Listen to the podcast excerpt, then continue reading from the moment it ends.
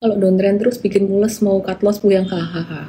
Betul sekali, itu pengalaman aku di tahun 2008. Dulu aku masih belum pengalaman dong, jadi 2007 itu aku cuan-cuan-cuan terus di saham pertambangan juga. Aku masih ingat banget batu bara dan metals yang aktif banget waktu itu. Dan aku injek duit terus injek duit terus juga sama suami injek injek injek terus. Terus kalau cuan-cuannya gede makin euforia makin seneng dan kemudian ketika mengalami kerugian sekali rugi itu jadi gede juga dan makin gemes makin nambah duit supaya duitnya balik tapi makin berantakan. Jadi itu pengalaman aku dulu di tahun 2008 kalau kamu lagi cuan-cuan banget tahan diri jangan terlalu cepat nambah duit. Demikian pula kalau kamu lagi rugi-rugi banget kamu juga tahan diri jangan terlalu cepat nambah duit. Jadi caranya caranya nentuin nominal yang pas buat masuk ke saham, trading atau investasi saham itu justru di awal sebelum kamu merasakan cuan ataupun rugi. Itu adalah momen yang paling bijaksana, momen yang paling objektif.